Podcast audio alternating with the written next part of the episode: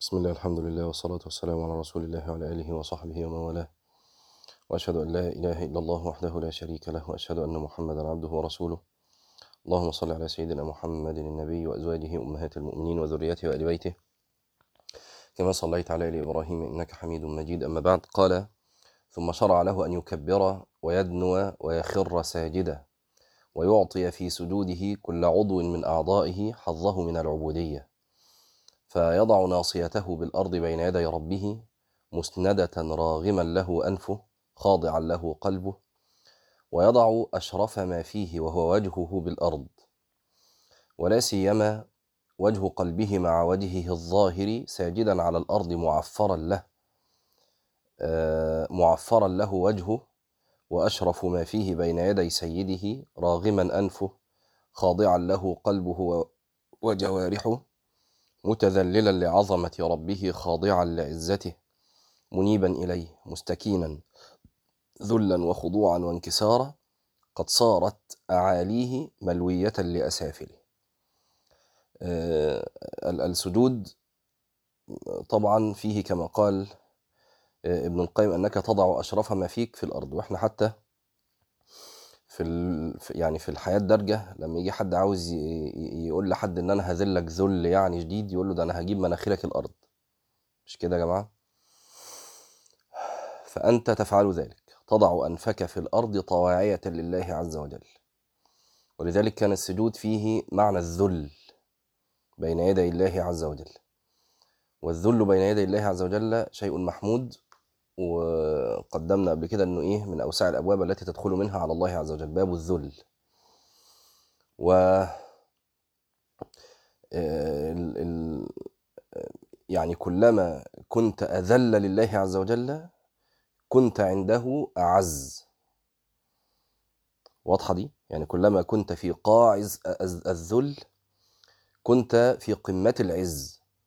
العلاقة بينهم عكسية. فهذا من أسرار السجود أن الشيء الذي تأنف أن يفعل بك كرها تفعله أنت طواعية بين يدي الله عز وجل. قد طابق قلبه في ذلك حال جسده فسجد القلب للرب كما سجد الجسد بين يدي الله. ولذلك يا جماعة كان السجود فيه معنى القرب لله عز وجل. علشان معنى إحنا بنقوله ده. معنى انك في قاع الذل. فأنت في قمة القرب. وفي القرآن واسجد واقترب. قال وقد طابق قلبه في ذلك حال جسده فسجد القلب للرب كما سجد الجسد بين يدي الله. وقد سجد معه أنفه ووجهه ويداه وركبتاه ورجلاه. فهذا العبد هو القريب المقرب فهو أقرب ما يكون من ربه وهو ساجد. وشرع له ي- أن يقل فخذيه عن ساقيه وبطنه عن فخذيه وعضديه عن جنبيه ليأخذ كل جزء منه حظه من الخضوع. لا يحمل بعضه لا يحمل بعضه بعضه. يعني كل حاجة من دي تنفرج عن الأخرى. يبقى ما انتش مريح جسمك على بعضه أو إيديك على يعني لأ كل عضو يأخذ حظه من هذه العبادة الجليلة.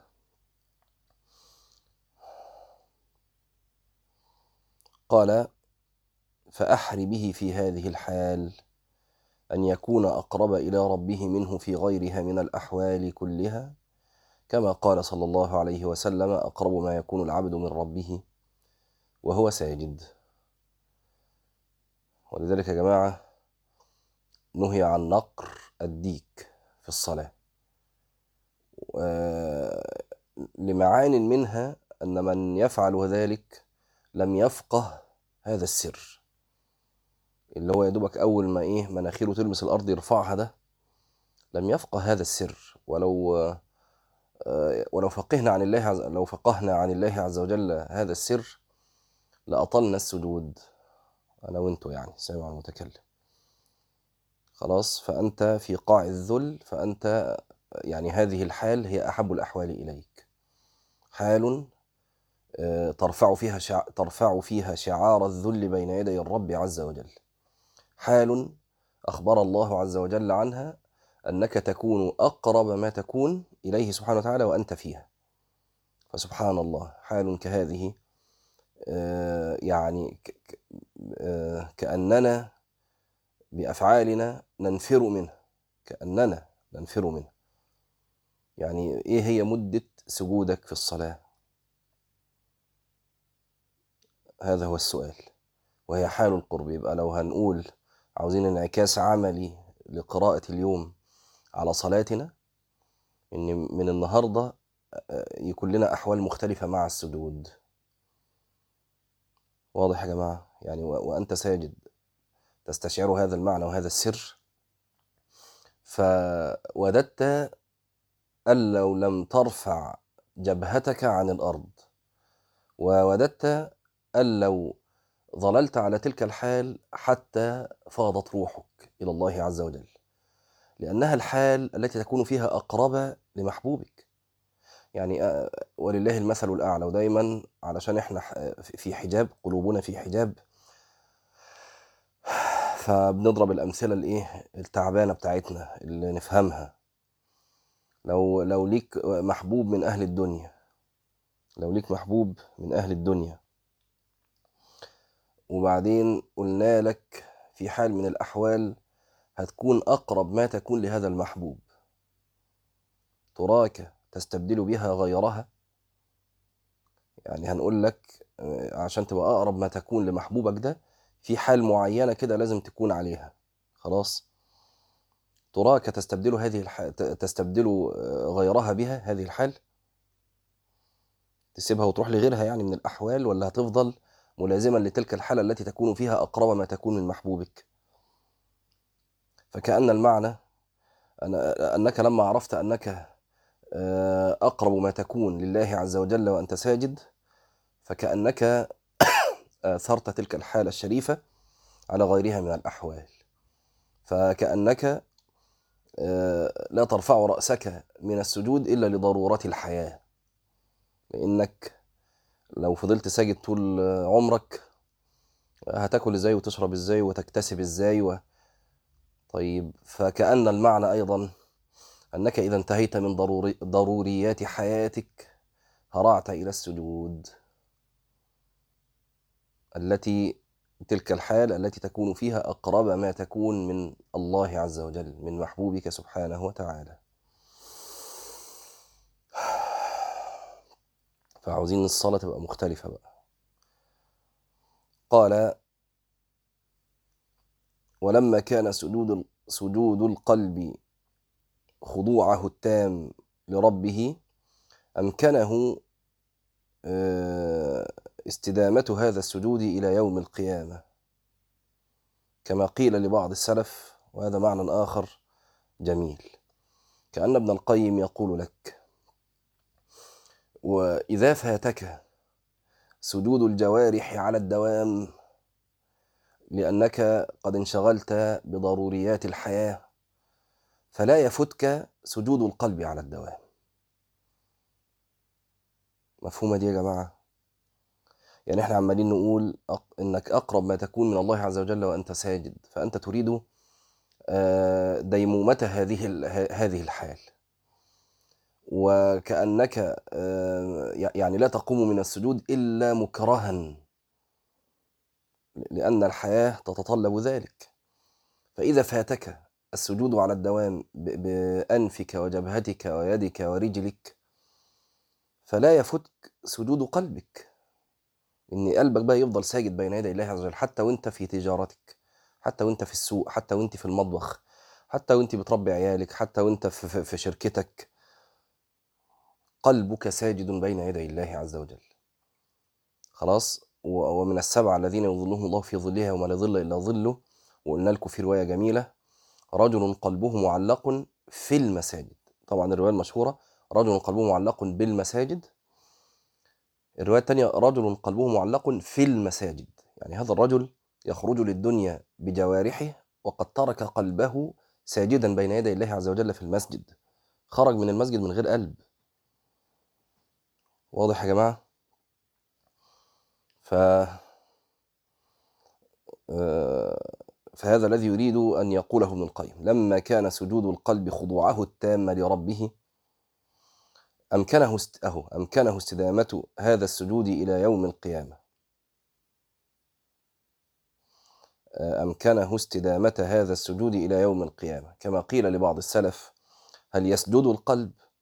قال إي والله سجدة لا يرفع رأسه منها حتى يلقى الله عز وجل إشارة إلى إخبات القلب وذله وخضوعه وتواضعه وإنابته وحضوره مع الله أينما كان ومراقبته له في الخلاء والملأ.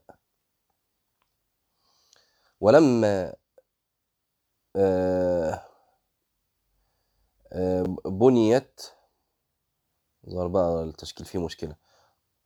ولما بنيت الصلاة على خمس القراءة والقيام والركوع والسجود والذكر سميت باسم كل واحد من هذه الخمس. فسميت قياما لقوله قم الليل إلا قليلا. وقوله وقوموا لله قانتين وسميت قراءة لقوله وقرآن الفجر إن قرآن الفجر كان مشهودا. يعني إيه مشهودا؟ حد يعرف؟ وقرآن الفجر إن قرآن الفجر كان مشهودا. يعني ليه قرآن الفجر مشهود؟ حد صاحي؟ الملائكة يعني بقية الصلوات ما بتشهدهاش الملائكة الفجر بس يعني؟ يعني أيوة مشهود الملائكة يعني الظهر والعصر والمغرب والعشاء. الملائكة ما بتشهدهاش يعني ولا إيه؟ يعني هو بس الفجر اللي الملائكة بتشهده؟ ليه مشهود؟ والعصر يعني الظهر والمغرب والعشاء ما فيش ملائكة بتشهده؟ يعني يعني الفجر والعصر بس؟ الملائكة بتشهد الفجر والعصر بس؟ طيب ليه قرآن الفجر مشهود يا جماعة؟ علشان بتجتمع فيه ملائكة الليل والنهار. يعني حديث النبي عليه الصلاة والسلام. يتعاقب فيكم ملائكة بالليل والنهار. خلاص؟ فوقت بقى تسليم الوردية. إمتى؟ عند صلاة الفجر وعند صلاة العصر كما قال صلى الله عليه وسلم. ف وبعدين يأتون الله عز وجل فيسألهم كيف وجدتم عبادي وهو أعلم سبحانه وتعالى. فيقولون أتيناهم وهم يصلون وتركناهم وهم يصلون. خلاص يا جماعة فليه بقى قرآن الفجر مشهود؟ لأنه تشهده ملائكة الليل والنهار. فهمتوا دي؟ إنما كل الصلوات مشهودة يعني كل الصلوات تشهدها الملائكة. وإنما كان قرآن الفجر مشهودا لإجتماع ملائكة الليل والنهار فيه. طيب يلا نكمل. وقال فاقرأوا ما تيسر منه وسميت ركوعا لقوله واركعوا مع الراكعين. وإذا قيل لهم اركعوا لا يركعون. وسميت سجودا لقوله فسبح بحمد ربك وكن من الساجدين. طبعا هو عاوز يقول يا جماعة إن في الآيات دي لما يأتي لما مثلا في الآية اللي معانا دي وكن من الساجدين يعني من المصلين ده اللي عاوز يقوله. سميت الصلاة سجودا. وقوله واسجد واقترب. وذكرا لقوله فاسعوا إلى ذكر الله. وقال لا تلهكم أموالكم ولا أولادكم عن ذكر الله. وأشرف أفعالها السجود وهذا سر آخر تنتبه له. أنك إذا تلبست بالسجود فقد تلبست بأشرف الأركان وبأشرف الهيئات. خلاص الصلاة هي خير موضوع كما قال صلى الله عليه وسلم. وخير الصلاة السجود. خلاص؟ يعني أفضل الأركان على الإطلاق في الصلاة هو ركن السجود.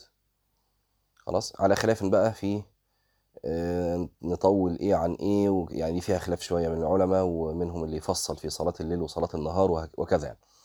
قال وأشرف أذكارها القراءة. وأول سورة أنزلت على النبي صلى الله عليه وسلم سورة اقرأ باسم ربك. افتتحت بالقراءة وختمت بالسجود. فوضعت الركعة على ذلك. أولها قراءة وآخرها سجود. ثم شرع له أن يرفع رأسه ويعتدل جالسا ولما كان هذا الاعتدال محفوفا بسجودين سجود قلبه وسجود سجود قبله وسجود بعده فينتقل من السجود من السجود إليه ثم منه إلى السجود الآخر كان له شأن. يعني هذه الجلسة التي بين السجدتين. فكان صلى الله عليه وسلم يطيل السجود بين السجدتين بقدر السجود يتضرع إلى ربه فيه. ويدعوه ويستغفره ويسأله رحمته وهدايته ورزقه وعافيته. وله ذوق خاص. وهذا هو الذكر الإيه؟ المشروع في هذا الإيه الموطن. ماشي؟ اللهم اغفر لي وارحمني وعافيني واجبرني وارزقني واهدني. خلاص؟ أو رب اغفر لي رب اغفر لي. يعني ده ده مشروع وده مشروع. احفظوا يا جماعة الأذكار دي. وخلونا برضو من أهداف هذا الكتاب الذي نقرأه إن أي ذكر هيرد في الكتاب أو حتى لا يرد لكن مررنا بموضعه تحفظه. ليه تحفظه؟ عشان تأتي به في الصلاة. يعني لا تجعلوا حظكم من الدرس وقت الدرس لا. دائما اجعل في انعكاس لأي سواء الدرس ده أو غيره يا جماعة. دائما اجعل في انعكاس على عملك من الكلمات اللي بتسمعها أو الدروس اللي بتحضرها أو كده. خلاص؟ اتعود على كده. ولو بشيء بسيط يعني النهارده هناخد معاني كتير. اطلع اعمل بأي حاجة. إنما مش تطلع ما تعملش بأي حاجة. ابن رسلان قال إيه؟ فاعمل ولو بالعشر كالزكاة تخرج بنور العلم من ظلمات فعالم بعلمه لم يعملا معذب من قبل عباد الوثن. وكل من بغير علم يعمل أعماله مردودة لا تقبل. خلاص فاعمل ولو بالعشر كالزكاة. الزكاة عشر ولا ربع العشر ولا إيه القصة؟ ولا هو ابن رسلان مش عارف ده ك... وبعدين فاعمل ولو بالعشر كالزكاة يعني إيه؟ آه يعني حتى لو. هو عاوز يقول إيه؟ يعني خليه في نصاب عمل كده يعني كل يعني يعني اعمل ولو بعشر ما, بت... ما بتسمع يعني. وكان بعض السلف يقول ده يقول لك إيه؟ يا أهل الحديث أدوا زكاة حديثكم. يعملوا من كل أربعين حديث بحديث. هنا بقى ده ربع العشر مش العشر ها؟ يبقى نعمل لازم نسيبكم بقى من الإيه المقدار اللي هتعمل. المهم تتعود إن داخل الدرس بنفسية اللي بيسمع الدرس مش عشان إيه أنا بقضي وقت ظريف أو إن أنا إيه قلبي بيرق في الدرس. لأ ده أنا حتى لو اللي بيدي الدرس ما اداش واجب عملي أنا اللي بخترع لنفسي واجب عملي كده. أخرج من الدرس أنا النهارده هعمل واحد اتنين تلاتة أربعة. معنى أثر فيك في قلبك. أنا النهارده الواجب بتاعي النهارده إني هعمل كذا. من غير ما هو يقول من غير ما أنا أقول أو غيري من اللي, من اللي بنحضر له. أنا اللي بخترع لنفسي واجب عملي كده أشتغل عليه. ده اللي هيربينا يا جماعة. ده اللي هيربينا. وإلا لو كان حظنا من الدروس وقت الدرس يبقى إحنا عاوزين نبقى 24 ساعة في دروس بقى. وده مش هيحصل. واضح؟ ف ليه ليه قلت الكلام ده؟ إيه اللي خدنا للكلام ده؟ دلوقتي واحد مش متعود يقول الذكر اللي بين السجدتين. لا من النهارده هقول الذكر. خلاص الذكر طويل ولسه مش عارف أحفظه وحفظي على قدي. يا سيدي من الأذكار رب اغفر لي رب اغفر لي. مرتين أهو. في أكتر من كده؟ أو أسهل من كده؟ هنقول رب اغفر لي رب اغفر لي لغاية ما نحفظ الذكر التاني ده. خلاص؟ وطبعا الدرس الأعظم في درس اليوم الذي نخرج به وهنشتغل عليه السجود بقى. نستمتع بالسجود ونستشعر القربة من الله عز وجل. ماشي؟ فنبقى نسجد كده مش عاوزين نرفع راسنا. خلاص. ماشي؟ نحاول ن... يعني يا سيدي خلي لك سجدة كده. سجدة تستشعر فيها إنك مش عاوز أرفع خلاص. أنا عاوز أفضل كده وإيه أقبض على هذه الحال بقى وخلاص يعني. يعني نعملها مرة في حياتنا. حتى لو ما اتعملتش في يوم نعملها مرة في حياتنا. اللي هو إيه هسجد مش هرفع راسي غير لما يبقى في ضرورة. أبقى أرفع لها راسي. مرة أعملها كده. ماشي؟ وطبعا من الدروس برضو زي ما اتقال سجود القلب. يعني إذا فات فاذا فاتنا دوام سجود سجود البدن فلا يفوتنا إيه؟ دوام سجود القلب بين يدي الرب سبحانه وتعالى. قال وحال وله ذوق خاص. يعني هذا الذكر وهذه الجلسة التي بين السجدتين وحال للقلب غير ذوق السجود وحاله. آه، فالعبد قال فالعبد في هذا القعود يتمثل جاثيا بين يدي ربه ملقيا نفسه بين يديه معتذرا إليه مما جناه راغبا إليه أن يغفر له ويرحمه مستعديا له على نفسه الأمارة بالسوء. يبقى هذا الجلوس نتمثل فيه أو سره أنك قد جثوت بين يدي ربك سبحانه وتعالى. معتذرا إليه مستعديا له على نفسك الأمارة بالسوء. تشكو له نفسك. وقد كان صلى الله عليه وسلم يكرر الاستغفار في هذه الجلسة. فيقول رب اغفر لي رب اغفر لي رب اغفر لي. ويكثر من الرغبة فيها إلى ربه. فمس يعني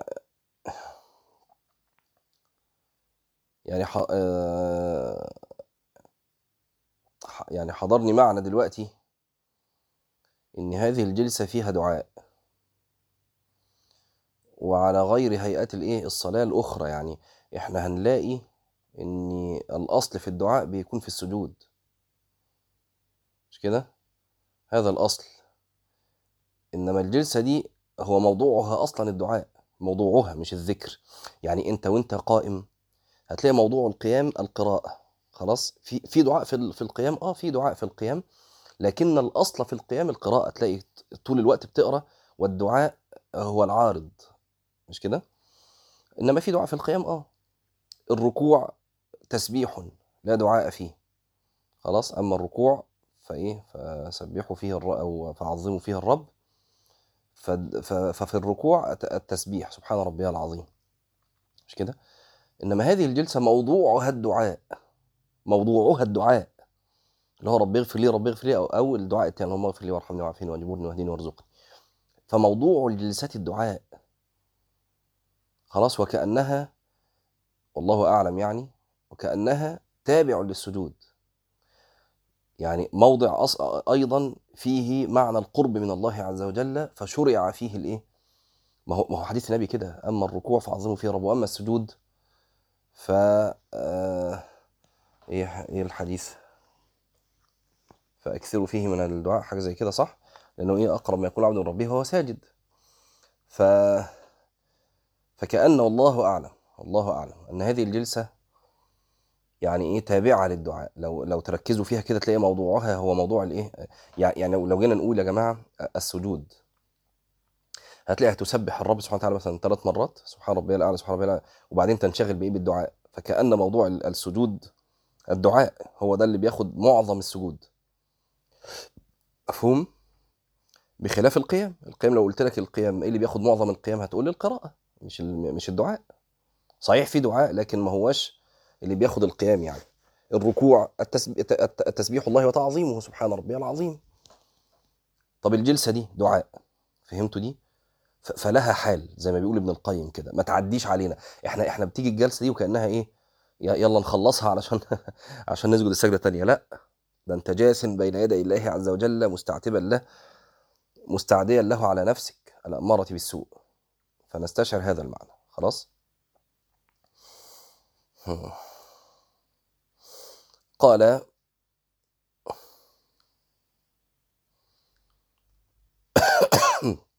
وقد كان النبي صلى الله عليه وسلم يكرر الاستغفار في الجلسة. آه، أختكم بتقول إيه؟ إن دعاء القيام ثناء على الله. آه يعني هو طبعا دعاء القيام ثناء على الله لكن قد يعتري القيام الدعاء. زي إيه؟ إنك لو مررت بآية فيها الجنة فبنسأل الله الجنة أو فيها النار فبنستعيذ بالله من النار. فآه يتخلل القيام الدعاء. آه، يتخلله. لكن موضوع القيام القراءة. فهمتوا؟ قال وقد كان صلى الله عليه وسلم يكرر الاستغفار في هذه الجلسة فيقول رب اغفر لي رب اغفر لي ويكثر في من الرغبة فيها إلى الله أو إلى ربه. ومثلا الحنابلة عندهم رب اغفر لي مرة ذكر واجب. ذكر واجب يعني آه، برضه يعني إيه حاجة كده خطيرة ما, ما تتسبش يعني ماشي؟ ما ما مش موضوع فقه دلوقتي.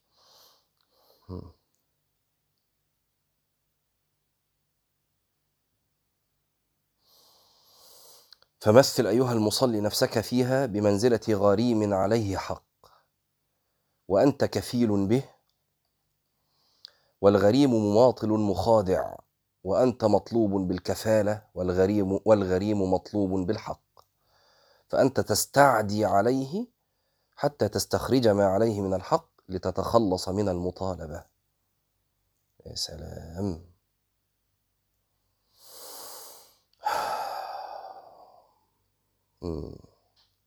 يعني إيه الكلام ده؟ يعني بيقول لك وأنت قاعد القعدة دي تتخيل كده إن أنت في آه، حد عليه دين ماشي؟ وأنت كفيل بيه.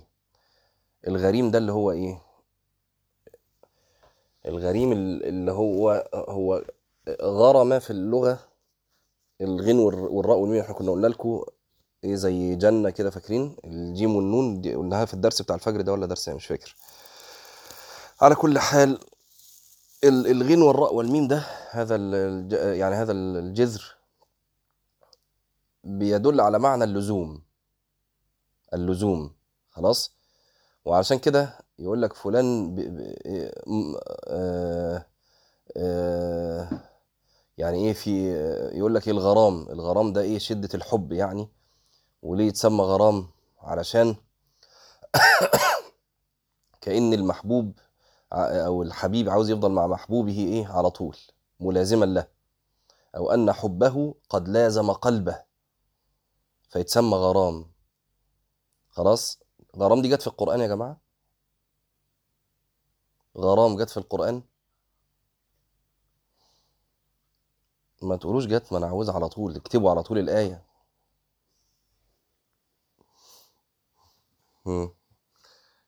إن عذابها كان غراما.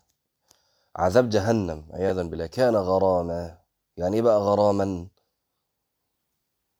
يعني إيه إن عذابها كان غراما؟ ملازما. فهمتوا؟ ف الأمر بقى خطير ماشي؟ طيب والغريم ليه تسمى غريم؟ الغريم بقى ده اللي هو مين؟ اللي عليه دين خلاص؟ اللي عليه دين. فليه تسمى غريم؟ علشان آه لما يكون واحد عليه دين فتلاقي التاني ماشي معاه زي ظله كده حتى إيه ملاحقه بالذات لو دين كبير. ماشي؟ فالتاني إيه تلاقيه ده غريم ده غريم وده غريم يعني ده ملازم لده. فيتسمى غريم فهمتوا دي؟ طيب وأنت كفيل وأنت كفيل به يعني إيه كفيل؟ كفيل يا جماعة أنت آه كفيل يعني لو لو هو ما- دفعش أنت تجيبه بس كده تجيبه للراجل صاحب الفلوس ماشي؟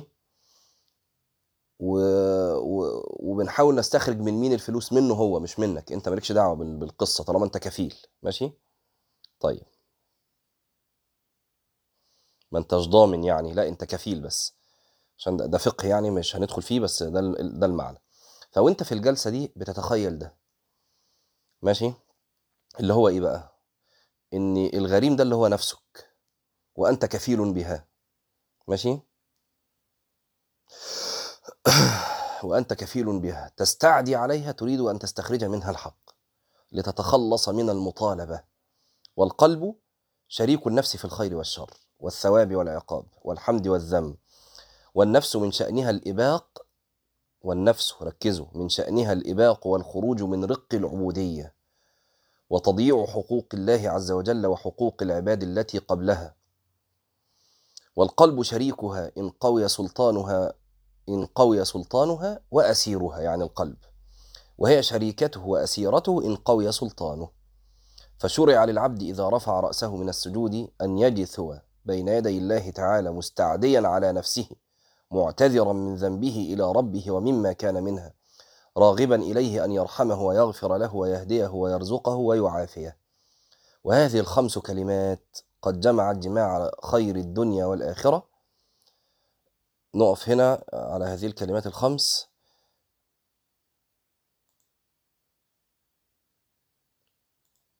آه علشان نبتدي بيها بقى المرة الجاية إن شاء الله.